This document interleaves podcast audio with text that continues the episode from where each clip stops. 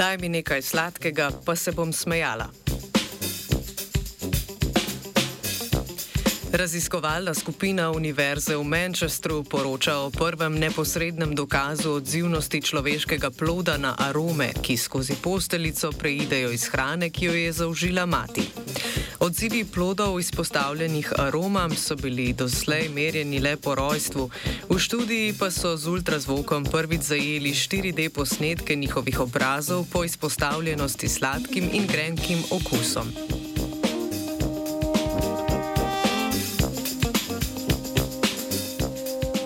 Plodovnica, tekočina, ki obdaja plod, je mesto, kjer plod začne zaznavati kemične spremembe v svojem okolju in se z razvojem boha in okušanja tako prilagodi na kasnejše poporodno okolje.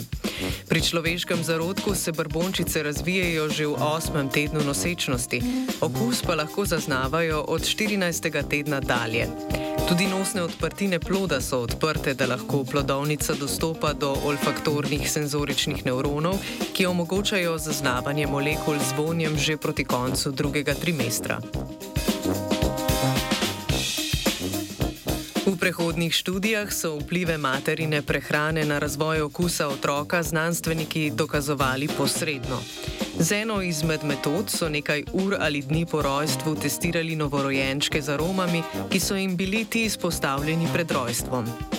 Ugotovili so, da novorojenčki niso pokazali odklonilnega odziva na von česna, če so njihove matere v zadnjem mesecu nosečnosti zaužile vsaj štiri obroke s česnom na teden. V podporo ugotovitve so pokazali, da so novorojenčki, če so njihove matere v zadnjih dveh tednih nosečnosti uživale sladkarije z okusom janeža, pozitivno reagirali na von janeža v okolici.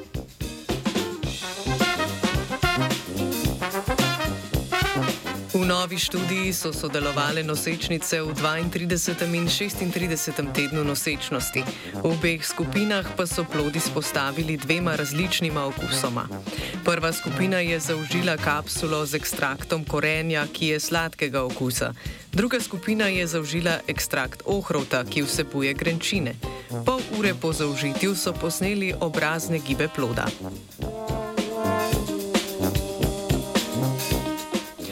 Merili so kombinacije 17 neodvisnih obraznih gibov, s katerimi so najbolj natančno opisali odzive ploda. Tistih 35 plodov, ki so bili izpostavljeni okusu korenja, se je pogosteje odzivalo z dvigovanjem ustnic in smehljanjem. Plodovi, izpostavljeni ekstraktu ohrovta, so pogosteje pokazali naslednje odzive. Dvigovanje zgornje ustnice, stiskanje spodnje ustnice, raztegovanje ustnic, stiskanje ustnic in kombinacijo izrazov, ki so jo opredelili kot jokanje. Primerjali so pojavnost obraznih gibov, ki opredeljujejo smejoč in jokajoč obraz pri izpostavitvi omenjenima okusoma.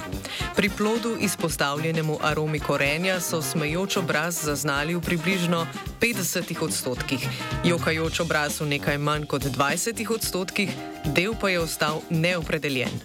Večja razlika v deležu obraznih gibov značilnih za smeh in jog je bila v skupini izpostavljeni aromam ohrovta. Na 70 odstotkih posnetkov so izkazovali jokajoč obraz, le okoli 10 odstotkov plodov se je smejalo. Kot so pojasnili, grenak okus lažje razlikujemo od ostalih, nanj pa se odzivamo z več in bolj kompleksnimi obraznimi gibi.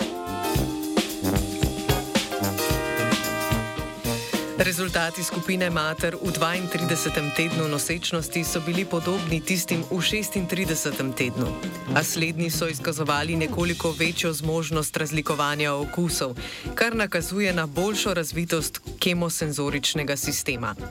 Odstopanja rezultatov nekaterih plodov od predvidene reakcije so pripisali predvsem predhodni izpostavljenosti aromam hrane, ki jo je skozi nosečnost uživala mati. V raziskavi so s posnetki obraznih reakcij tako predstavili neposreden dokaz, da lahko plodovi razlikujejo različne okuse v plodovnici. Ugotovitve te študije podpirajo dosedanje izsledke o vplivih zaužite hrane na plod in pomenu kemičnega okolja na razvoj njegovega vedenja in izražanja. Novo sezono znanstvenih Britofov je otvorila Urška.